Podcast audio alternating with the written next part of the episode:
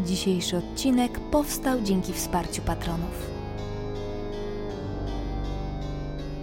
Cześć, to 87 odcinek bardzo brzydkiego podcastu i dzisiaj z racji czasu około weekendowego przyszła kolej na tematy nieco mroczniejsze, tak by wypadało przynajmniej, ale ten odcinek zaliczyłabym bardziej do takich ciekawostkowych niż strasznych, bo chciałabym poopowiadać Wam o diable. I zaręczam, nie ma się czego bać. Więc ten odcinek jest absolutnie dla wszystkich, chociaż sam pomysł ma dosyć mroczne źródło, mroczną inspirację, bo zainspirował mnie dwuczęściowy odcinek podcastu Piąte nie zabijaj o sławnej historii opętania Annelies Michel. Nigdy nie miałam niemieckiego, więc przepraszam za wymowę. Nie będę go spoilerować, przesłuchajcie sobie, jest absolutnie zgodny z moimi poglądami, a raczej kompletną niewiarą w opętania. Wszystkie scyzoryki w kieszeniach się otwierają, jak się o tym słucha. Ale mój dzisiejszy bełkot nie będzie związany z tą historią, w ogóle nie będzie związany z opętaniami, bo pogadamy po prostu o diable, ale tu mały twist, bo chciałabym opowiadać Wam o diable w kontekście naszej rodzimej kultury. W naszym kręgu kulturowym chyba niczego nie boimy się bardziej, prawda? Ociekające smołą piekło, przerażająca postać z rogami, płomienie, które pochłaniają nas przez wieczność, bo nie, nie chodziliśmy do kościoła. Oczywiście trochę się wygłupiam i trochę uogólniam, ale mnie przynajmniej wizja piekła w dzieciństwie strasznie przytłaczała i przerażała. I być może to, co teraz powiem, e, będzie źle odebrane, bardzo bym tego nie chciała, bo diabeł obecnie, z punktu widzenia ateisty, jest dla mnie postacią ze wszechmiar niejednoznaczną i niezwykle fascynującą, bo podobnie jak bogowie, demony i jakieś inne zjawiska nie z tego świata, posiada przeróżne funkcje, cechy, wygląd, a przede wszystkim daje olbrzymie pole do obserwacji różnego rodzaju zmian kulturowych, które zachodziły przez wieki na naszych terenach. Dlatego dziś opowiem Wam o tym, że nie taki bies straszny, jak go malują. I chyba tak w ogóle nazwę odcinek. Zaczęłabym od tego, kim jest szatan, skąd się wzięła sama postać. Ano z religii, które bazują na motywie takiej odwiecznej walki dobra ze złem. Po prostu Bóg potrzebuje jakiegoś antagonisty, prawda? No i tu wchodzi on cały na czarno, czyli szatan, upadły anioł, Lucyfer, zły, jak zwał, tak zwał. Do tych religii zalicza się, zaliczają się te trzy takie największe filary w ogóle religii na planecie Ziemia, czyli judaizm, islam i chrześcijaństwo. I to chrześcijaństwo, kiedy zagościło na naszych słowiańskich terenach, to wydarło niemal wszystkie nasze wierzenia z korzeniami. W ogóle, kiedy opublikowałam odcinek o demonologii, to pojawiło się bardzo dużo takich głosów, że uczymy się mitologii greckiej, a tej słowiańskiej już nie ma, że nic nie wiemy o naszej kulturze, że przecież to by było super ciekawe znać swoje korzenie. E, ja się absolutnie z Wami zgadzam, podzielam Wasze rozczarowanie, ale jednocześnie zdaję sobie sprawę z tego, że stworzenie takiej twardej bazy wiedzy na temat tego, w co wierzyli nasi przodkowie, byłoby niesamowicie trudne, bo przekaz wówczas był ustny, niewiele informacji dotarło w ogóle do naszych czasów, a te, które dotrwały, były często dokumentacją kościelną, a więc pokrzywioną przez pryzmat nauk Kościoła właśnie.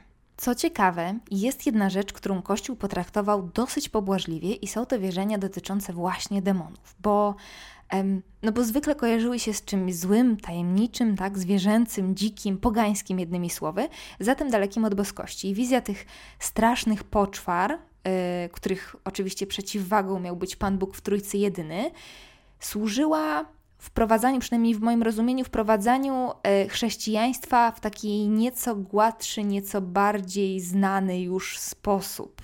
Coś tam Wam zostawimy, ale tego, co Wam zostawiliśmy, powinniście się, powinniście się bać.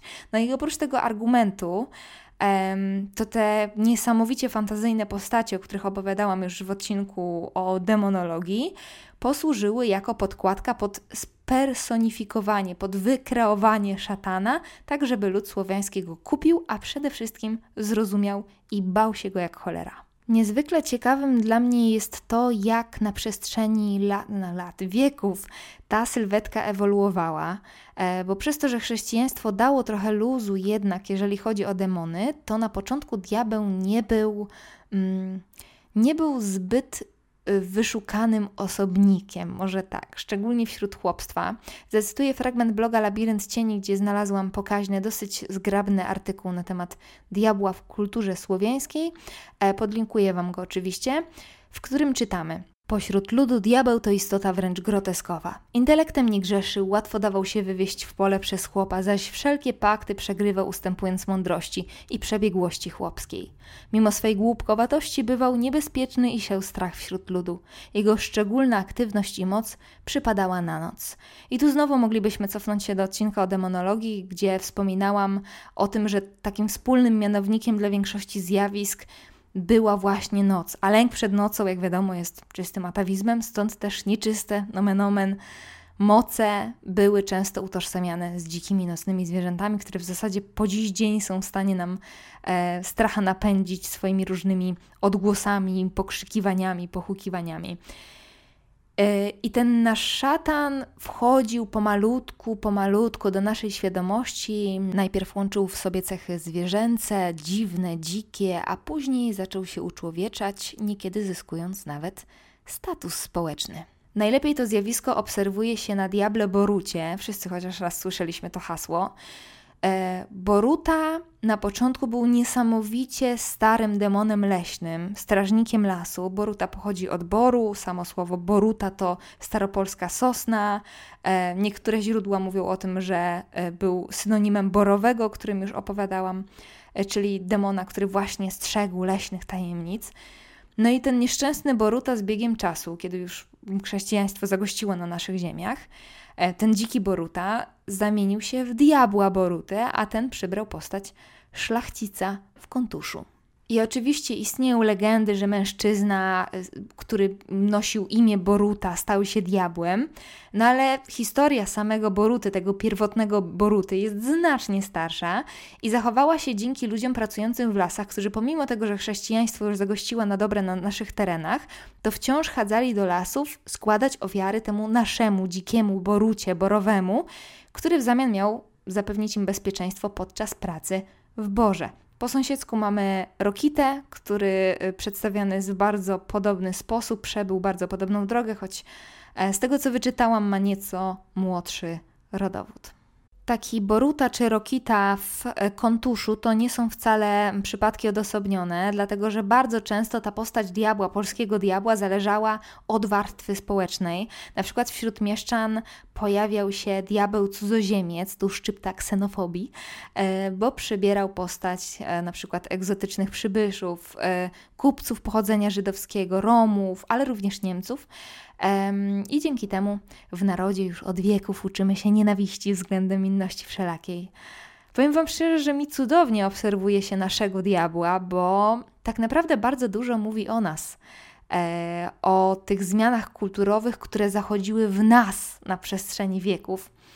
Um, wracając trochę do pierwotnego pochodzenia naszych złych duchów, to warto byłoby zatrzymać się tak trochę bardziej językoznawczo um, przy określeniach, których używamy bardzo często synonimicznie, żeby określić tego naszego polskiego ludowego diabła, czyli czart i bies. Bo jak się okazuje, to nie jest do końca tak, że to jest jedno i to samo, chociaż mi, mi też zdarza się używać tych słów zamiennie, no bo generalnie jak sobie myślimy polski diabeł, taki ludowy diabeł, no to czart albo bies. Ale okazuje się, że nie jest tak do końca, bo bies jest demonem słowiańskim, jeszcze takim naszym, y, dawnym, y, chociaż również posiadał cechy wspólne ze współczesnym rozumieniem szatana. Zamieszkiwał bagna, lasy, inne niedostępne czeluście, zupełnie jak y, większość słowiańskich demonów zresztą, ale miał również bezpośredni wpływ na człowieka i zachęcał go do różnych złych czynów, dlatego mówi się, że, że ktoś się zbiesił, czyli nagle rozzłościł. Za to czart podobnie jak bies, e, namawiał do złego, no bo nie bez przyczyny później te wyrazy stały się e, synonimem dla diabła czy szatana, ale był również uważany za demona wiatru, więc odpowiadał za różnego rodzaju zamiecie, wiry, nie wiem, zerwane dachy stodół. Znalazłam też informację, że można było go wykorzystywać do pilnowania skarbów, więc był również taką postacią już nie do końca jednoznaczną, która również mogła służyć człowiekowi. Jednocześnie nie jestem do końca pewna swoich słów, dlatego że co źródło, to inny wariant. I tak sobie myślę, że straszna to jest strata i odczułam ją nawet na poziomie takiego, no to cóż, no dosyć amatorskiego researchu do tego odcinka, bo każde źródło, jakie otwierałam, mówiło odrobinę coś innego. A czasami nawet zdarzało się tak, zwłaszcza na Wikipedii, która jest raczej słabym źródłem wiedzy, e, bo bardzo często zdarzają się tam błędy, że na przykład dostawałam trzy odpowiedzi na jedno pytanie w jednym tekście. Po prostu nie szło się połapać, więc jeżeli pojawiły się tutaj jakieś błędy, ktoś, kto zna się lepiej ode mnie, e, wyłapie jakieś błędy, to bardzo przepraszam, bardzo się starałam. I wydaje mi się, że ten hałas informacyjny wynika z tego, że no, nikt nie wie do końca jak było, wszystko prawie szlak trafił, więc każdy dopisuje sobie trochę inną wersję, trochę inaczej interpretuje podania. Oczywiście są lepsze i gorsze źródła, ale generalnie nie mamy takiej skrystalizowanej jednej teorii na temat tego, jak to wszystko mogło wyglądać. Ale w ramach jakiegoś takiego uszeregowania tego mojego dzisiejszego bełkotu dosyć chaotycznego, powtórzmy sobie jeszcze raz. Najpierw nasze demony, czyli pozostałość po rodzimych wierzeniach i później powolutku, powolutku trochę zostało, trochę przeistoczyło się w wersję nieco bardziej chrześcijańską, ale generalnie przyjęło się razem z wejściem chrześcijaństwa, że wszystko co nie anielskie i nieboskie, to i nie najlepsze. Ale mimo wszystko ten nasz polski diabeł przez długi czas wciąż był właśnie taki, taki nasz więc chciałabym chwilę też poświęcić ludowemu, już chrześcijańskiemu, ale wciąż ludowemu postrzeganiu szatana. E, ta jego wersja zachowała się dosyć dobrze, dużo jest opracowań na ten temat, no bo cóż, no, był zdecydowanie postacią nadającą kolorytu każdej legendzie. Mm, ten ludowy świat był wręcz przepełniony różnymi fantastycznymi stworzeniami, więc ten nasz diabeł również bardzo ładnie się zachował. I bardzo często też zachowywał swoją pierwotną, taką czysto słowiańską formę. Formę, funkcję, ale na przykład pod zmienioną nazwą, chociaż nie zawsze też tak było, bo na przykład licho, czy wcześniej wspomniane boruta, dusiołek, czy smętek zachowały swoje imiona, ale wciąż były wiązane e, od wkroczenia chrześcijaństwa, oczywiście z mocami piekielnymi. Informacji na temat ludowych diabłów jest dużo, bo różniły się od siebie na przykład w zależności od regionu. E, na pewno powstało o nich wiele prac naukowych, więc zachęcam do własnych poszukiwań. chciałabym się jednak skupić na tych wspólnych elementach, żeby jakoś powstał nam jeden obraz w miarę możliwości. I tak zaczynając od wyglądu, to dobrze znamy elementy takie jak rogi, często ukryte pod czapką, ledwo zauważalne kopyta, które gdzieś przezierały przez nogawki spodni, czasem były to kurze nóżki. E, oprócz tego na wschodzie Polski na przykład e, diabeł miał haczykowaty nos bez dziurek, e, Teraz mi się przypomina ta legenda miejska, o której też gdzieś tam Wam opowiadałam, o szatanie, który jeździł czarnym BMW bez lusterek i pytał Cię, która godzina od wieków musiało czegoś brakować. Tam było, nie było lusterek, tutaj dziurek w nosie. Mm, generalnie diabeł, jeżeli upodabniał się do człowieka, to musiał mieć jakiś element albo kilka elementów, które odbiegało od takiego ogólnie przyjętego wizerunku człowieka, takiego normalnego, zdrowego człowieka.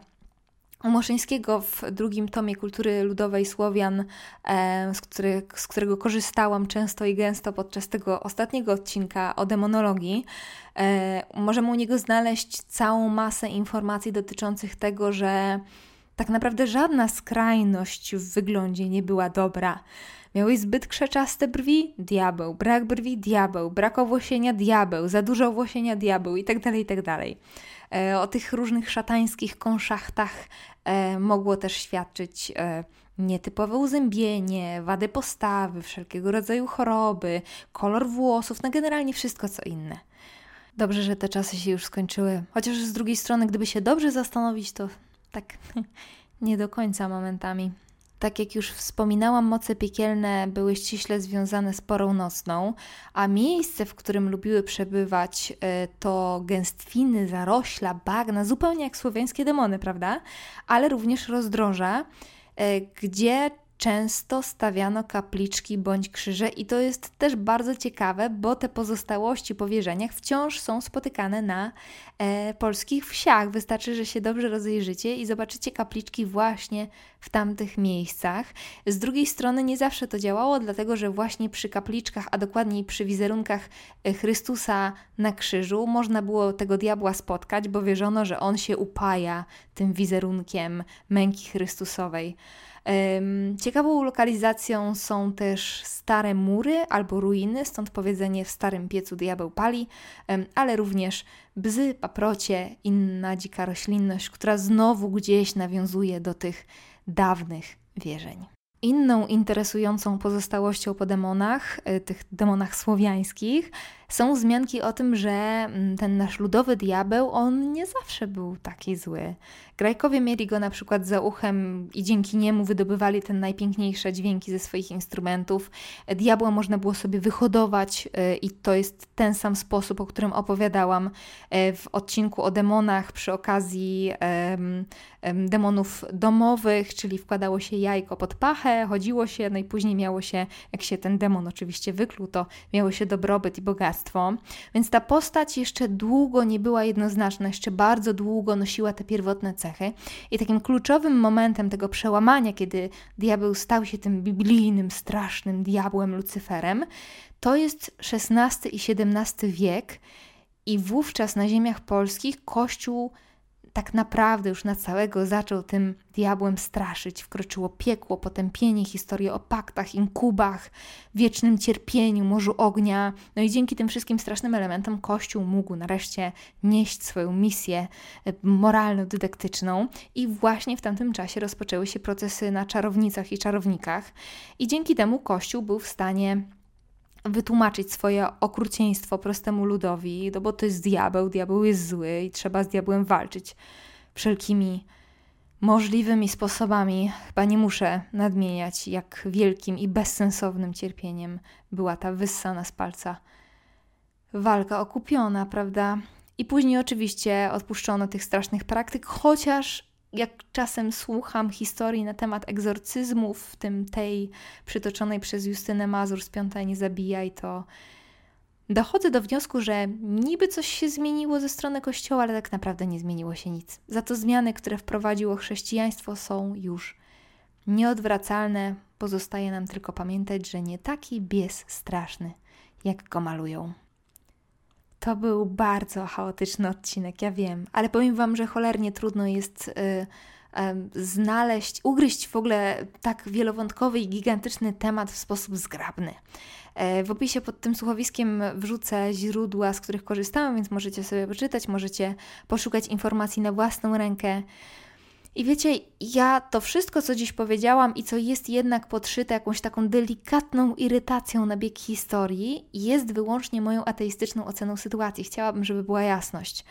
Po prostu nie wierzę w diabła, tak samo jak nie wierzę w Boga. Wierzę w miłość i zło. To również można byłoby potraktować jako synonim boskości i, i diabła, ale, ale nie wierzę już w opętanie, rogi, wieczne potępienie, no bo nie wierzę w życie po śmierci. Dlatego tym bardziej szkoda mi tego uśrednienia wszystkich postaci fantastycznych do roli czegoś, czego powinniśmy się wystrzegać, bo przez ten głęboko, naprawdę głęboko zakorzeniony w nas strach, em, wiele z tych zjawisk odeszło w zapomnienie.